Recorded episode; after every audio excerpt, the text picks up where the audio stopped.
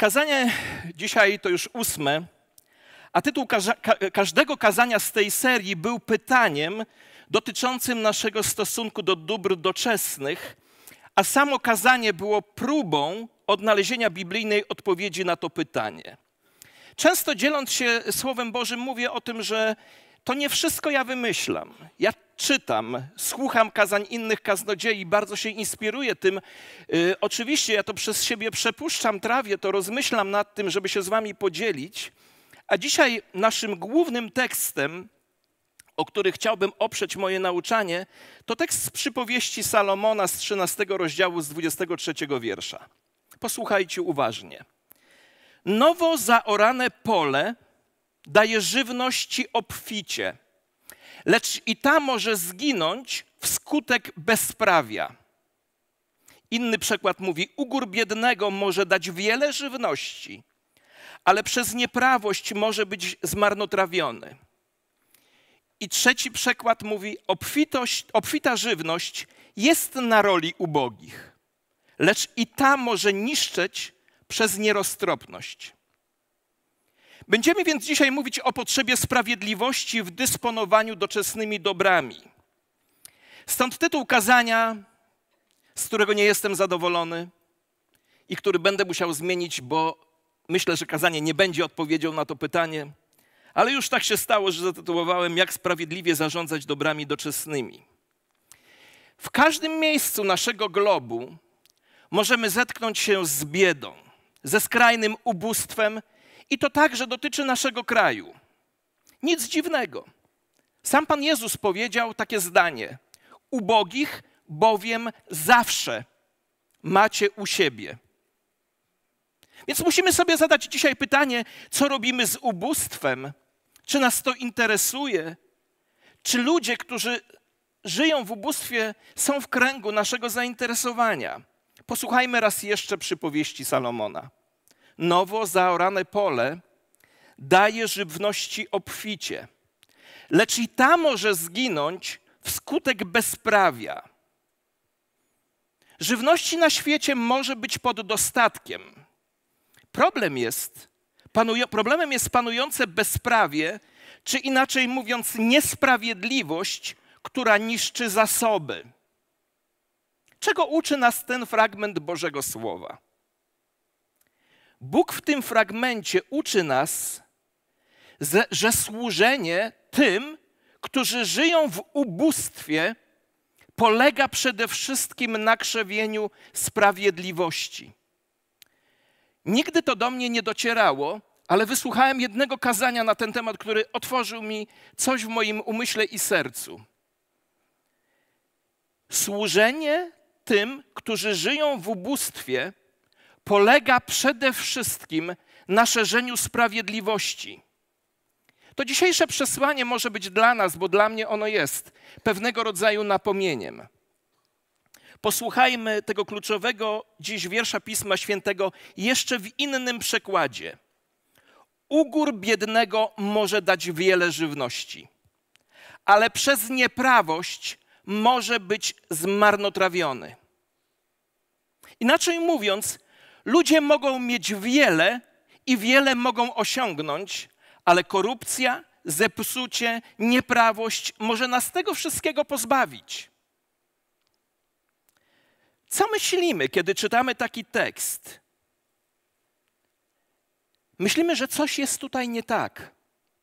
Coś, co jest dobre i pozytywne, nagle może przeminąć i przemienić się w coś złego. Wiecie, jako człowiek ze wsi i z wykształcenia technik rolnik, dobrze wiem, że są rolnicy, które, którzy zbierają obfite zbiory, ale są i tacy, którym się nie wiedzie, których plony w wyniku różnych okoliczności są marne.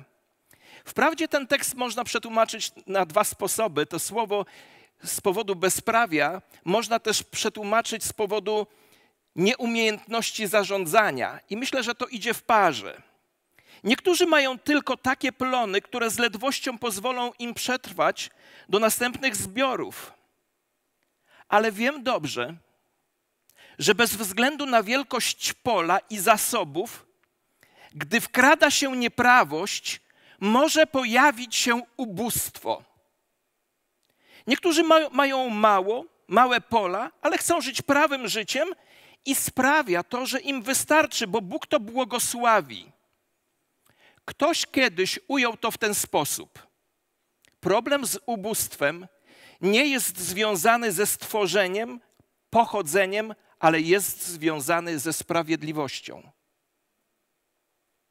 Przyjrzyjmy się przez chwilę temu, co Biblia mówi o ubóstwie.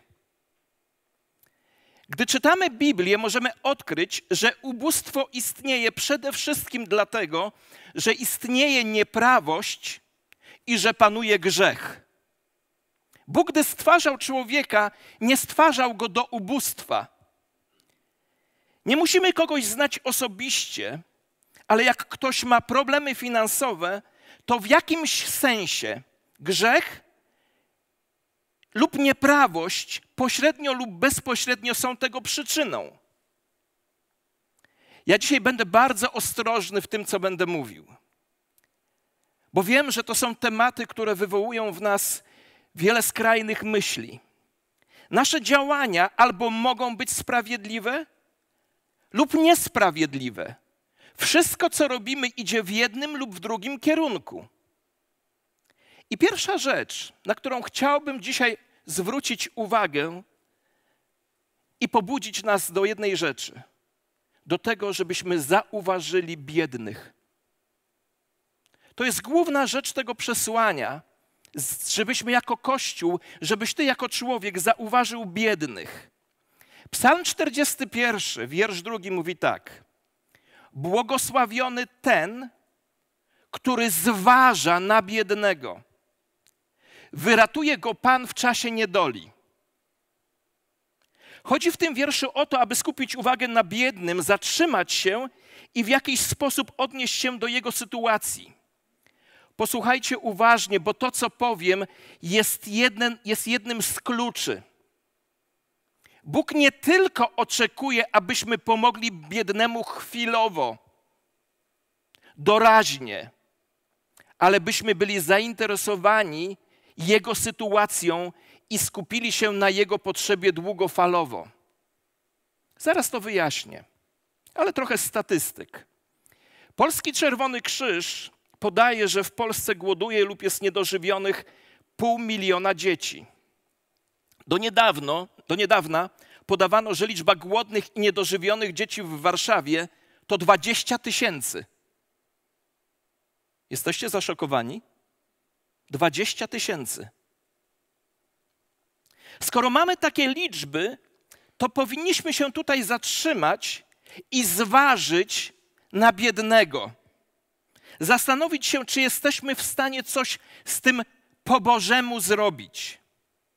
Dla Boga jest to bardzo ważne i dlatego powinno być to dla nas ważne. Posłuchajcie, Psalm 146.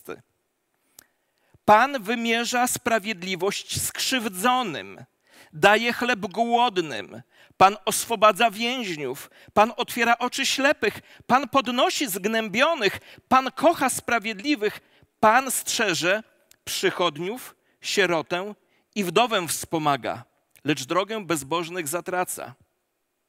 Pan strzeże przychodniów, sierotę i wdowę wspomaga.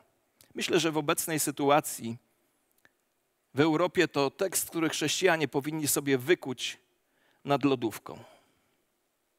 Księga Powtórzonego Prawa, dziesiąty rozdział. Gdyż Pan On wymierza sprawiedliwość sierocie i wdowie, a miłuje obcego przybysza. Witamy Was, przybysze z innych krajów. Mamy dzisiaj tutaj na sali ludzi z Białorusi, Ukrainy i Rosji, z Litwy, z Indii, z Anglii, Stanów Zjednoczonych, Niemiec. Cieszymy się, że jesteście z nami. Jesteście tutaj dobrze przyjęci i chcemy, żeby ten Kościół był dla Was rodziną. Więc i wymiłujcie obcego przybysza, mówi Pan, gdyż sami byliście obc, obcymi przybyszami w ziemi egipskiej. Wiecie, często w Biblii widzimy, jak Bóg troszczy się o tych, którzy przez społeczeństwo są marginalizowani. to sieroty, wdowy, uchodźcy. Mamy też osoby, przypomniało mi się, z Mołdawii. Cieszymy się, że jesteście. Dumnedzeu este dragoste. Bóg jest miłością. Bóg się o nich troszczy. Bóg jest adwokatem tych ludzi. Posłuchajcie Psalmu 68. Ojcem sierot i sędzią wdów jest Bóg w swym świętym przybytku. Bóg samotnym daje dom na mieszkanie. Wyprowadza więźniów na wolność, lecz oporni pozostają w suchej ziemi. Inaczej mówiąc, Bóg dba o sprawiedliwość. Bóg oczekuje od nas, abyśmy dbali o sprawiedliwość. Tu nie, nie, chodzi o to, że wypada tak czynić, bo to jest takie miłe, ale chodzi o to, że to są zasady zapisane w Biblii, że to jest w Bożym sercu, gdzie wyraźnie Bóg nam oznajmia, co mamy czynić. Księga Michała, szósty rozdział. Oznajmiono ci człowiecze, co jest dobre i czego Pan żąda od ciebie. Tylko abyś wypełniał prawo, okazywał miłość bratnią i w pokorze obcował ze swoim Bogiem.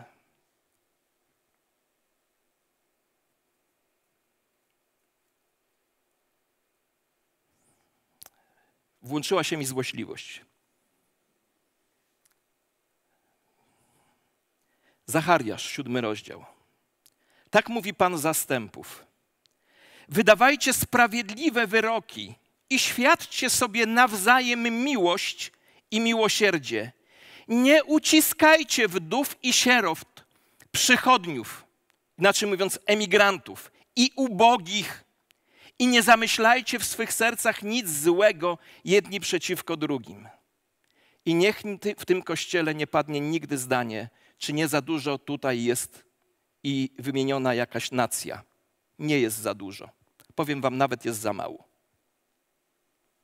Przypowieści Salomona, 31 rozdział. Otwórz swoje usta w obronie niemego i w sprawie wszystkich opuszczonych. Otwórz swoje usta, sądź sprawiedliwie, ubogim i biednym wymierzaj sprawiedliwość. Nie chodzi tu tylko o nakarmienie biednych, ale oni często potrzebują, żeby wstawiać się za nimi, aby ich bronić, aby ich, im zwyczajnie błogosławić, aby się nimi zainteresować. To dla nas odpowiedzialność, ale także sposobność i przywilej, aby przemówić w imieniu tych, którzy nie potrafią przemówić w swoim imieniu bo chociażby nie znają języka. Jeremiasza, 22 rozdział. Tak mówi Pan. Stosujcie prawo i sprawiedliwość i ratujcie uciśnionego z ręki gnębiciela. Obcego przybysza ani sieroty, ani wdowy nie uciskajcie. To taki tekst dla pracodawców. Obcego przybysza ani sieroty, ani wdowy nie uciskajcie. Dla Polaków Pan Bóg powinien napisać, znaczy nie będę mówił Panu Bogu, co ma zrobić. Często narzekaliśmy, jak jesteśmy traktowani za granicą, nie gotujmy tego uchodźcom, którzy do nas przyjeżdżają. Nie zadawajcie gwałtu i nie przelewajcie krwi niewinnej na tym miejscu. Wiecie, czasami ludzie są skorumpowani. Politycy są skorumpowani. Także, także ci, którzy zatrudniają innych do pracy mogą być skorumpowani. Istnieje wiele nadużyć i istnieje wiele pogardy dla drugiego człowieka. Dzisiaj niewolnictwo jest najbardziej dochodowym interesem na świecie. My mamy na to reagować. Zauważyć tych, którzy są gorzej traktowani, którzy są ciemiężeni.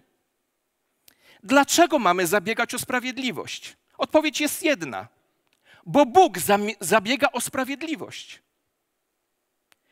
ponieważ Bóg także i tego wymaga od swojego kościoła, dlatego powinniśmy zabiegać o sprawiedliwość.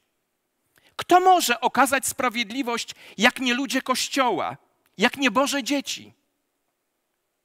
Wszyscy jesteśmy stworzeni na Jego obraz i Jego podobieństwo, i wszyscy powinniśmy być tak samo traktowani w prawy sposób.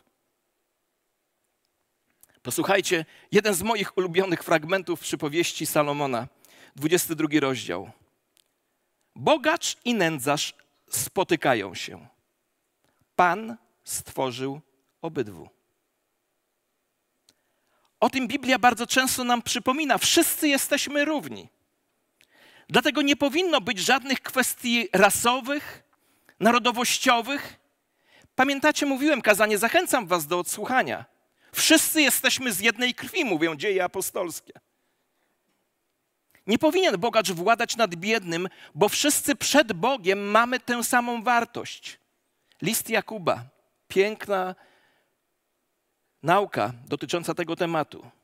Nie powinno być podziału w wyniku zasobów materialnych, w wyniku zdobytego wykształcenia, pochodzenia. Bóg uczynił nas wszystkich na, ten sam, na swój obraz. Ale my mamy w naszym społeczeństwie często inne postawy, które nie wynikają z prawości i sprawiedliwości. Jako chrześcijanie też czasami na ubóstwo nie patrzymy z właściwej perspektywy. Ja mam to. Czasami myślimy, że niektórzy są biedni, bo są leniwi. To jest prawdą w wielu przypadkach, ale nie we wszystkich. Czasami ktoś doświadcza trudności i ubóstwa, dlatego że Bóg osądza za nieprawość i te osoby przechodzą trudności, ale to nie wszystkie przypadki. My nie wiemy, jaka jest rzeczywistość, więc nie wyciągajmy zbyt szybko wniosków. Zrozumienie właściwych przyczyn ubóstwa jest bardzo ważne i niestety bardzo, bardzo, bardzo trudne i złożone. Niektórzy myślą, że zawsze za tym stoi ekonomia danego kraju, sytuacja społeczna, kultura. Jeszcze inni powiedzą, że słabość charakteru, że to sytuacja rodzinna, słabe geny, brak dyscypliny i samokontroli. I tak może być. To najczęściej słyszymy w ogólnej opinii. Prawda jest jednak taka, że nie można wszystkich wrzucić do jednego worka, bo za każdym ubogim stoi inna historia.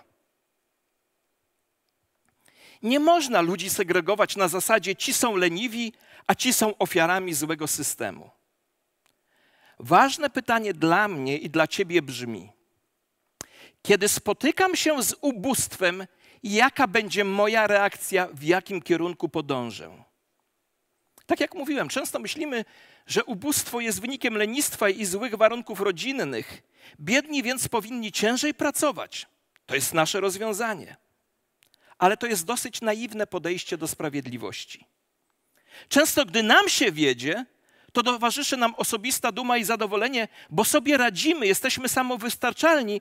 Zapominamy jednak o tym, że Bóg dał nam takie możliwości, dał nam zdolności, zdrowie i to w zasadzie wszystko składa się na sukces. Nigdy więc nie patrzmy z góry na tych, którzy otrzymali mniej i którzy doświadczają w życiu większych zmagań i, i trudności. Nasz tekst mówi o sprawiedliwości. Ci ludzie potrzebują sprawiedliwego traktowania.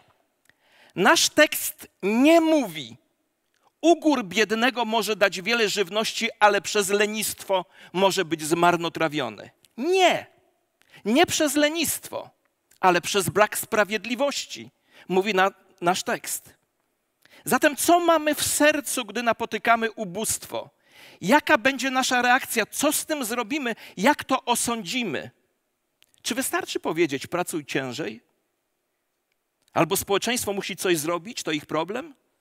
To może być prawda. Zachęcam jednak, abyśmy przede wszystkim, przede wszystkim sprawdzili nasze własne serca. Jaka jest nasza reakcja i zrozumienie tego tematu? Po prostu chciejmy przyjąć do wiadomości, że może być jakaś inna alternatywa na to, jak do tej pory o tym myśleliśmy. Zatem jak mamy krzewić sprawiedliwość, a w zasadzie jak możemy pomóc takim osobom? Posłuchajcie, co mówi autor książki Szczera Sprawiedliwość. On podzielił pom pomoc biednym ludziom na trzy etapy. Ulżenie, pierwszy etap. Rozwój, drugi etap. I reforma socjalna, etap trzeci. W każdej z tych kategorii ulżenia, rozwoju i reformie socjalnej, jako ludzie Jezusa, możemy się zaangażować, aby wyjść naprzeciw potrzebom w naszym środowisku. Ludzie potrzebują pomocy na różnych poziomach, mają różne potrzeby fizyczne, materialne i potrzeby w sferze zarządzania. Któż z nas nie zna przypowieści o miłosiernym Samarytaninie? Znamy? Samarytanin zatrzymał się, opatrzył człowieka w potrzebie, włożył na swoje zwierzę, zawiózł do gospody, opłacił tam dalszy pobyt, zapewnił też, że dopłaci, jak będzie wracał za kilka dni. Samarytanin zapewnił mu ulżenie. Wielu ludzi, na przykład bezdomnych, potrzebuje pomocy na poziomie takiej ulgi, doraźnej pomocy, by poczuli się lepiej. Lecz posłuchajcie tego uważnie. W większości przypadków doraźna pomoc powinna być tymczasowa. Dlaczego? Nie musicie się zgadzać z tym, co będę mówił dalej. Może być to bardzo ostre dla niektórych z Was. Wiecie, dlaczego doraźna pomoc nie powinna, powinna być tymczasowa w większości przypadków? Bo stałe pozyskiwanie doraźnej pomocy może pozbawić osobę motywacji i woli pomocy sobie samej. Pomoc, która utrwala zastany stan i nie prowadzi do chęci samopomocy, szybko staje się przekleństwem. Słyszycie? Pomoc, która utrwala zastany stan człowieka i nie prowadzi do chęci samopomocy, do przemiany, szybko staje się przekleństwem. Jednym z największych celów pomocy nie jest dawanie, ale przywracanie niezależności osobie uzależnionej od stałej pomocy. Słyszycie? Możecie się z tym nie zgadzać. Ale posłuchajcie tego raz jeszcze. Jednym z największych celów pomocy nie jest dawanie, ale przywrócenie niezależności osobie uzależnionej od stałej pomocy. Dlatego ci, którym udzieliliśmy pomocy doraźnej, przynieśliśmy ulgę, będą potrzebować porady, doradztwa, by nabyli umiejętności, by w przyszłości lepiej sobie radzili. Następny poziom pomocy to rozwój. To pomoc w nabyciu umiejętności do radzenia sobie w życiu z potrzebami. Nasze zadanie to nie tylko pomoc doraźna, ale zakończyć ten proces życia w ubóstwie, nauczyć ludzi, przeszkolić ich, aby byli w cudzysłowie samowystarczalni. Dać ludziom możliwość, by mogli się rozwijać we właściwym kierunku. Ktoś powiedział to tak: Daj człowiekowi rybę, a będzie miał jedzenie na jeden dzień. Naucz go łowić ryby, a nakarmisz go na całe życie. A ja jeszcze uważam, że można zrobić krok więcej. Dać mu zarobić na wędkę, a w czasie, gdy będzie zarabiał na tą wędkę, nauczyć się, nauczyć jego posługiwać się tą wędką. Wiecie, łatwiej jest dać rybę, niż poświęcić czas, by nauczyć łowić. Wielu chrześcijan to robi. Daje rybę i czujemy się zwolnieni. My tylko utrzymujemy, ja już nie mogłem na to patrzeć w niektórych przypadkach mojego działania przez 30 lat, że podtrzymywałem stan za stany, zamiast pomagać ludziom wyjść z tego stanu, w którym byli. Bo łatwiej jest dać rybę, niż poświęcić czas, by nauczyć łowić. A ja osobiście dzisiaj uważam, że grzechem jest dawać ciągle ryby tym, którzy mogą nauczyć się łowić i mogą łowić, tylko im się nie chce. Słyszycie? W moim przekonaniu to jest grzech. Jeśli dajemy ciągle rybę tym, którzy mogą nauczyć się łowić i mogą łowić, tylko im się nie chce. Pamiętam z moją żoną, mieliśmy zasadę, każdy, kto przychodzi do naszego domu, prosząc o pomoc, dostaje pomoc. Robiliśmy to przez wiele lat. Aż któregoś dnia zorientowaliśmy się, że jesteśmy po prostu ofiarami, którzy nie pomagają ludziom wyjść z ich problemu, tylko podtrzymujemy. Pamiętam, jak powiedziałem człowiekowi zdrowemu, silnemu: Dostaniesz jedzenie, ale naładuj gruz z budowy tam przy kościele na, na, na przyczepę. Już miałem z głowy człowieka. Już się nigdy więcej nie pojawił.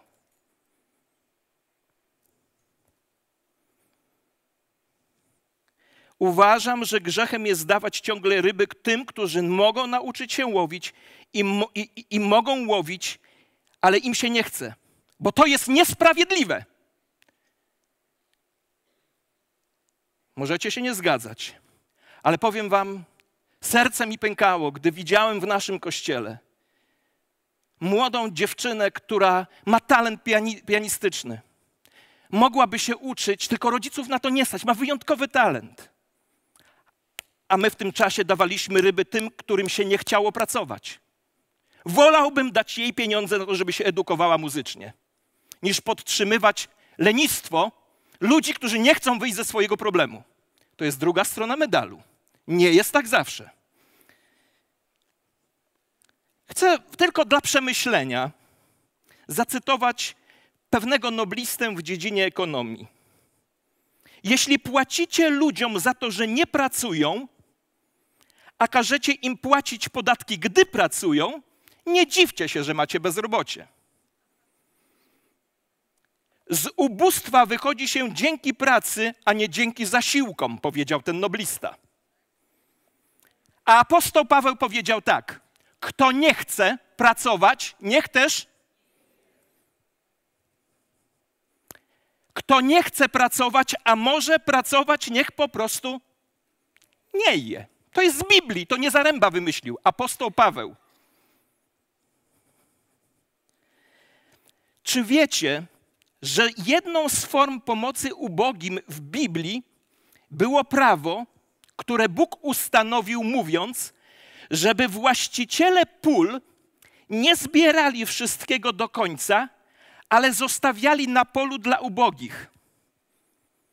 Pomyślcie o tym prawie. To piękne prawo miało na celu zaktywizować do zbierania, młócenia, przerabiania ziarna.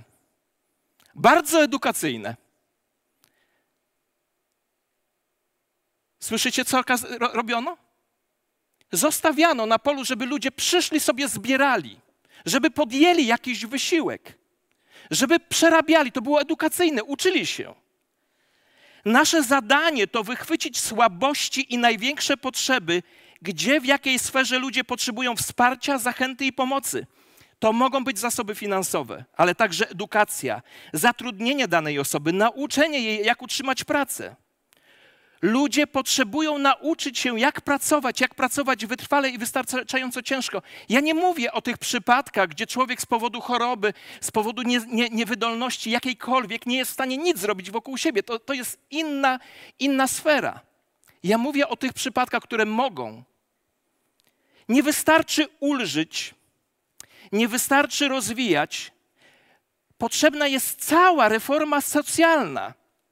Wiecie, trzeba wykształtować nowe myślenie, wpłynąć na całą kulturę, aby dokonały się gruntowne zmiany. Wiecie, tam, gdzie Biblia przeniknęła społeczeństwa, tam wielu ludzi doświadczało błogosławieństwa ekonomicznego. Musimy służyć Bogu i ludziom ubogim, których On kocha, promując odpowiednie biblijne zarządzanie dobrami doczesnymi i tworząc sprawiedliwe prawo. I tutaj Kościół ma nieść rozwiązania. Na ziemi nie będzie pełnej sprawiedliwości, dopóki Chrystus nie wróci, ale my dzisiaj mamy zrobić wszystko, co powinniśmy zrobić, żeby było tak na ziemi, jak jest w niebie. Jak w niebie, tak i na ziemi.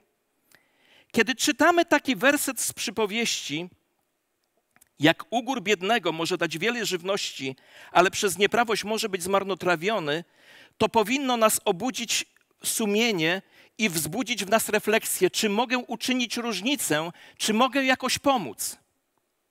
Może niektórzy z nas powinni stać się politykami, prawnikami, biznesmenami, nauczycielami, między innymi po to, aby mieć większy wpływ na niesprawiedliwość. Niektórzy z nas powinni stać się głosem tych, którzy głosu nie mają. Wiecie, jako chrześcijanie Możemy być duchowo ślepi na to, jak wiele ludzi cierpi wokół nas, ale jak poznajemy serce Boga, zobaczymy Jego piękno, to automatycznie dostrzeżemy potrzeby tych, którzy nie są w stanie sobie pomóc. Jeśli zobaczymy Boży plan zbawienia, wykupienia i to, co uczynił Syn Boży dla nas, to miłość Boga i objawiony w nas Boży charakter dokona otwartości naszych serc na to, aby pobudzić, byśmy wyszli do świata, do ludzi biednych i uczynili różnicę. To jest nasze powołanie. Poznać Boga, Ojcem sierot i wdów, przychodniów i ludzi ubogich jest Bóg. Jeśli my, jeśli my Jego poznajemy, doświadczamy Jego serca, zaczynamy dostrzegać potrzeby ludzi wokół nas i zaczynamy nieść tym, którzy potrzebują, niesiemy ulgę. Tym, którzy potrzebują rozwoju, niesiemy rozwój. A wszystkim chcemy nieść sprawiedliwość polegającą na nasączaniu świata zasadami Bożego Królestwa. Bo Jezus Chrystus, będąc bogaty, stał się dla nas ubogim, abyśmy my ubóstwem Jego zostali ubogaceni. I dzisiaj, będąc bogatymi w Jego ubóstwo, bogatymi w obecność Bożą w naszych sercach, możemy nieść Ewangelię i pomoc tym, którzy są w potrzebie. Ojcem sierot i wdów jest Bóg Wszechmogący. Poznaj Jego serce, a On otworzy Twoje serce także na tych, którzy są w potrzebie. I nie po to, żeby podtrzymywać ich stan, ale po to, żeby im pomóc wyjść z sytuacji, w jakiej są i doświadczyć takiego rozwoju, który jest możliwy dzięki Bożemu Słowu, dzięki obecności Ducha Świętego i świadomości tego, kim Chrystus jest. A Chrystus w nas to nadzieja chwały. Pochylmy nasze głowy w modlitwie.